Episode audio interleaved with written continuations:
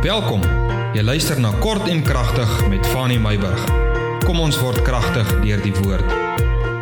Ek groet jou weer eens vanmôre op hierdie Woensdagoggend. Soos ek beloof het, elke Woensdag praat ons oor Jesus in Openbaring en ek wil graag vanmôre verder gaan oor die volgende begrip rondom Jesus Christus in Openbaring en dit vind ons weer eens Openbaring 1 vers 4 tot 5 waar uh, Johannes hy groet die gemeentes hy sê vir hulle genade vir julle vrede van hom wat is wat was wat kom en van die sewe geeste van God en van Jesus Christus. Het ons die eerste woensdag na gekyk die tweede woensdag laasweek die getroue getuie en vandag Jesus Christus die eersgeborene uit die dode die owerste oor die konings van die aarde oor hierdie gedagte eersgeborene uit die dode. Jy weet baie ander was voor Jesus uit die dood het opgewek. Ons lees in die Ou Testament, dan lees ons natuurlik die welbekende een van Lazarus, wat Jesus self het hom uit die dood het opgewek. Maar tog word hulle nie genoem die eersgeborene uit die dood nie. So wat beteken dit dat Jesus Christus se naam onder 'n andere beteken die eersgeborene uit die dode? So as jy sê jy glo in Jesus Christus, dan beteken dit jy glo in die een wat die eersgeborene is uit die dode. En dit beteken Jesus Christus is die eerste een wat gebore is in daardie geestelike ewige lewe waarin ons ook ingebore moet word waarvan die wedergeboorte spreek. Hy's die eerste een wat die sonde in totaliteit oorwin het, wat die dood oorwin het. Die eerste een wat gebore is in 'n nuwe geestelike lewe. Tweede gedagte is Jesus Christus het homself opgewek en deur sy eie krag opgewek uit die dood.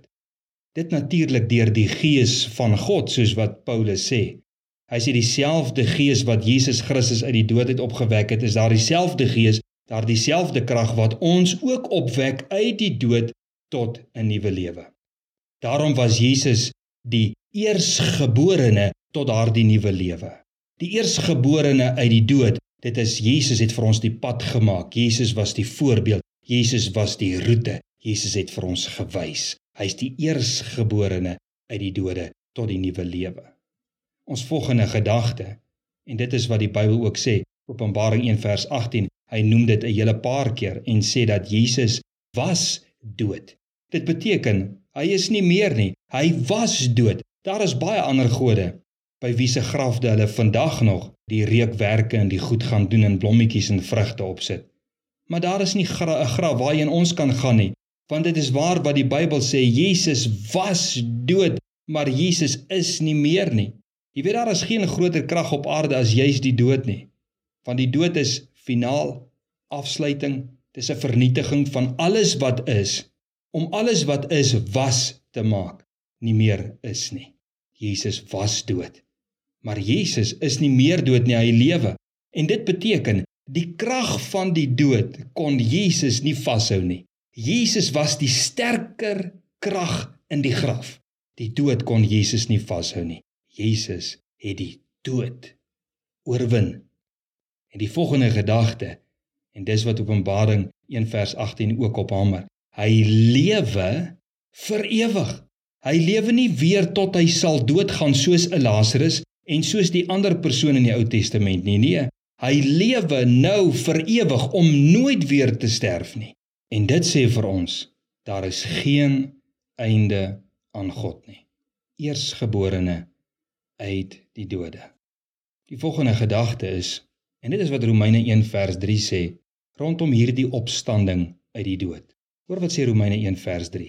Aangaande sy seun Jesus wat gebore is na die vlees uit die geslag van Dawid en dat die gees van heiligheid met krag verklaar is as die seun van God. Hoe is Jesus Christus as die seun van God verklaar? Hoe het dit gebeur?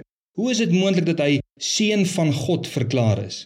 En dit is deur die opstanding uit die dode, Jesus Christus ons Here. Die opstanding uit die dood beteken en is 'n bewys Jesus Christus is die seun van God. Dis nie 'n storie nie. Hy is die seun van God.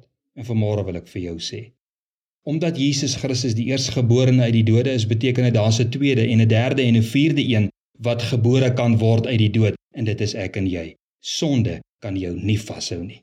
Jesus Christus het die oorwinning gegee. En soos 1 Korintiërs 15 vers 54 tot 57 sê, maar veral hierdie gedeelte, die dood is verslind in die oorwinning. Jesus gee daardie oorwinning. Seën vir jou.